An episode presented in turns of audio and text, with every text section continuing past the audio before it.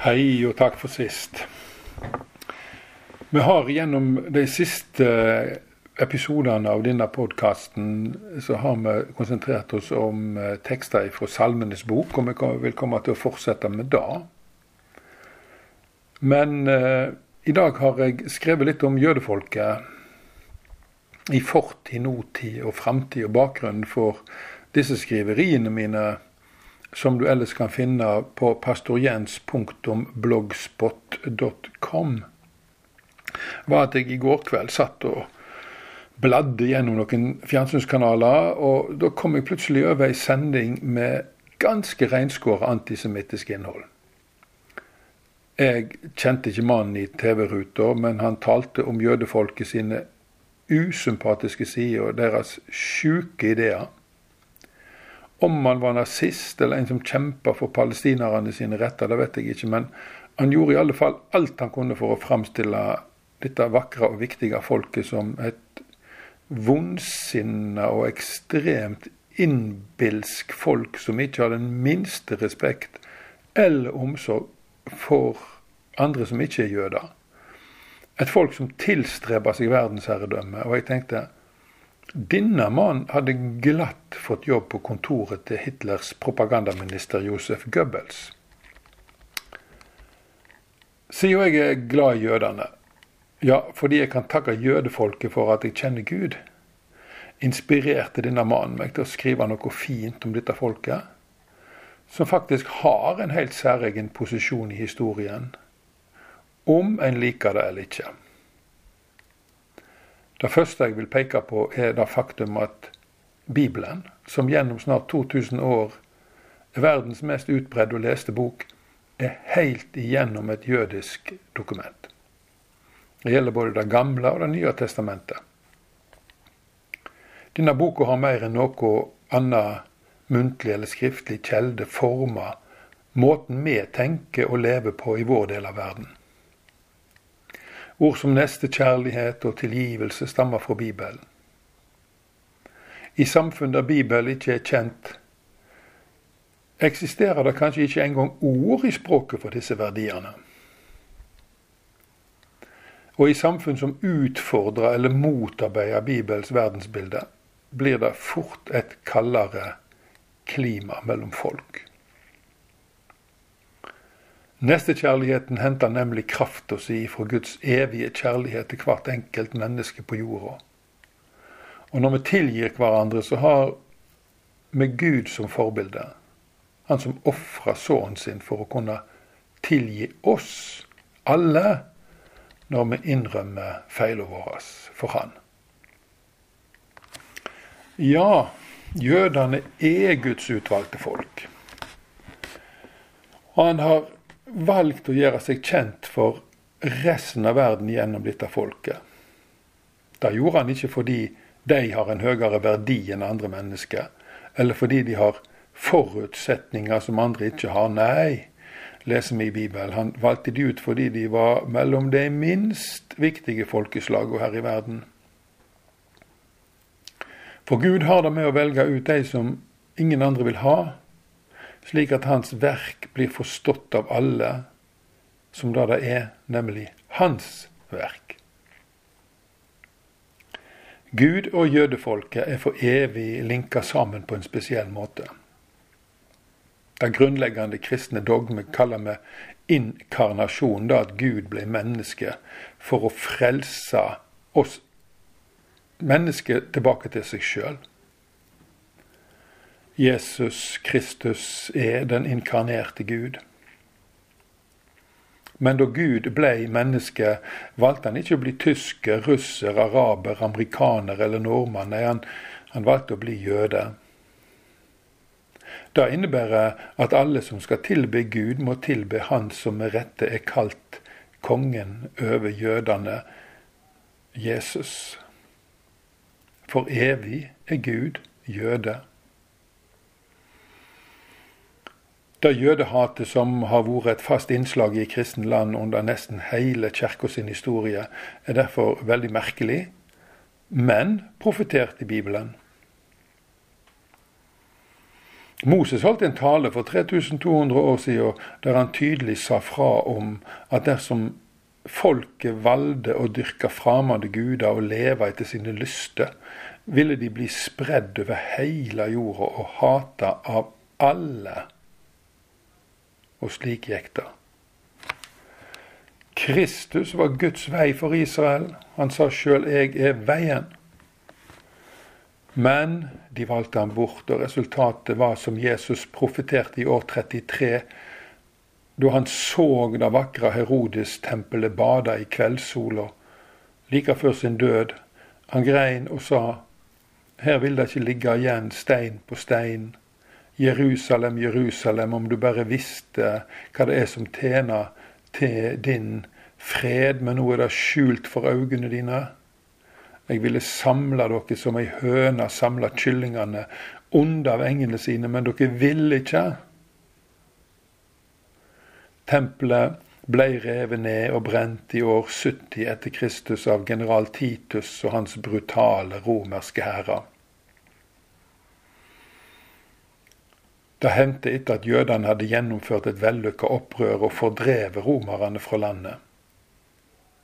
Befolkninga i Jerusalem ble straffa på det mest forferdelige da romerne kom tilbake og beleira byen.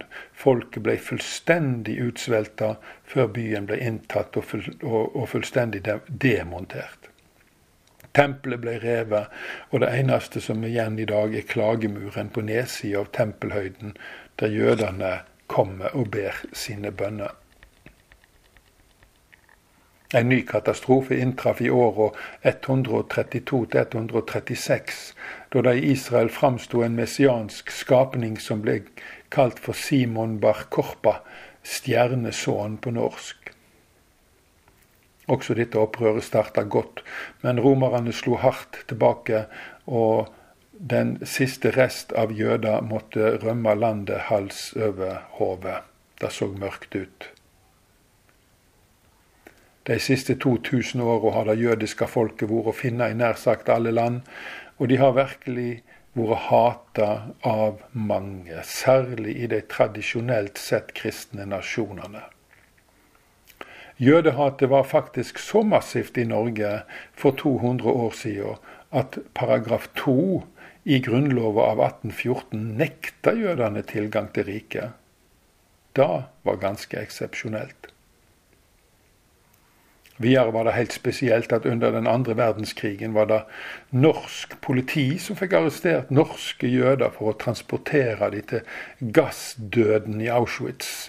Å arrestere skuldløse mennesker burde ha vært utenkelig for norske politimenn, men de gjorde det likevel, og ingen av dem kan vel med hånda på hjertet si at de ikke visste hva de gjorde. Marte Michelet har i den omdiskuterte boka si 'Hva visste hjemmefronten?' tydelig påvist at heimefrontsledelsen visste at jødene skulle arresteres i oktober-november 1942, men at de ikke hadde noe trong for å advare de jødiske familiene om dette. Det fantes viktigere ting å holde på med enn å berge jøder. Ble de vurdert som annenrangs nordmenn? Ting kan tyde på det. I England ble alle jøder landsforviste i 1290 av kong Edvard 1. Da hadde han lenge plyndra de for all rikdom for å finansiere krigene sine.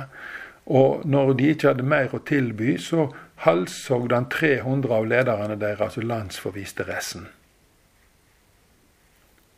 I Spania hadde jødene mange, gjennom mange hundre år sett, stort sett levd i fred maurisk, under maurisk overherredømme. Og den særegne sefardiske kulturen vokste fram, men i 1492 ble både de og maurerne landsforviste av kong Ferdinand og dronning Isabella, og mange ble drept. De sefardiske jødene vandra så gjennom Europa og havna i Tyskland, og i Øst-Europa, der de måtte gjennomleve et utall av pogromer som kulminerte med holocaust, Hitlers store brennoffer fra 1942 til 1945. Men i de jødiske skriftene er håpet aldri langt vekke. Profeten Esekiel, som levde på 6 og 500-tallet før Kristus så at diasporaen ikke kom til å bli enden på visa for jødefolket. Han så at, de skulle, at det skulle komme ei tid og folket skulle få reise tilbake til Israel. Og der ville Herren sjøl, som en god gjeter, ta seg av dem med truskap og klokskap. Alle burde unne seg å lese kapittel 34 til 37 i Esekiel-boka. Det er litteratur i særklasse med en klår budskap til vår tid. Gud sa til det jødiske folket sin stam for Abraham, jeg vil velsigne deg som velsigner deg, og forbanne deg som forbanner deg, og i deg skal alle folkeslag på jorda bli velsigna. Vi har sett hvordan dette har skjedd gjennom Jesus Kristus og Bibelen, men Gud har også velsigna oss på andre måter. Uvanlig mange framifrå forfattere og vitskapsfolk er jødiske. F.eks. er 20% av alle nobelprisvinnere jøder. Og mellom dem er vel kanskje Albert Einstein og Bob Dylan de mest kjente. Jødene begynte å returnere til Israel på 1800-tallet, mens området ennå var under tyrkisk overherredømme. Det osmanske riket som hadde røttene sine tilbake til 1400-tallet. Og den 14. mai 1948 ble staten Israel etablert som en jødisk stat. Dette er starten på oppfyllinga av det profetiske ordet om at hele dette folket en dag skal komme tilbake til Israels fjell, og de skal godkjenne og favne Jesus som sin Messias.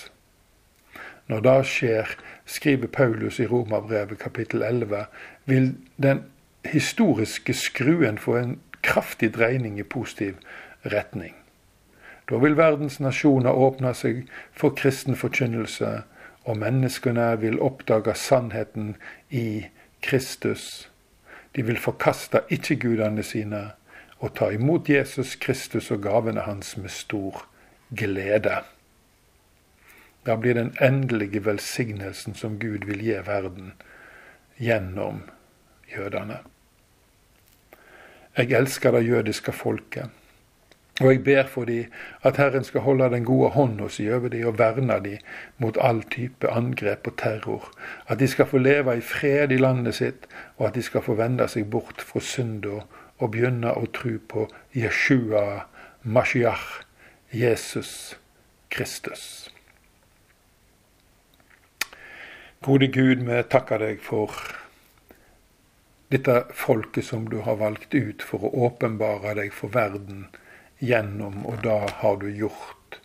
Og, du har velsignet så rikelig gjennom dette folket. Så vi ber nå om at du skal beskytte dem. Du ser de siste dagene så er elleve israelere blitt myrda eh, i, i eh, heimbyene sine uskyldige mennesker som er tatt av dage av folk som hater. Og vi ber nå gi vern til Israels folk i Israels land. Og vi ber om at du skal åpenbære deg for dem som deres konge, som deres Messias, som deres Herre, som deres frelser, som den som uh, døde for deres synde og sto opp til deres rettferdighet. Herre Jesus Kristus, vi ber i ditt eget dyrebare navn. Fader vår, du som er i himmelen, lat navnet ditt helgas, lat riket ditt komme, lat viljen din råde på jorda, så som i himmelen. Gi oss i dag vårt daglige brød, og tilgi oss vår skyld, som vi òg tilgir våre skyldnere. Og lat oss ikke komme i freisting, men frels oss fra det vonde, for riket er ditt, og makta og æra i all eva. Så må Herren velsigne deg og bevare deg må han la sitt ansikt lyse over deg og være deg nådig. Må han løfte sitt åsyn på deg og gi deg fred. Takk for at du også var med meg i dag, og du skal være hjertelig velkommen også neste gang jeg er på lufta. Uh, in the meantime så er du velkommen på gudstjeneste i Kristkirka på Stord klokka 11 på søndag.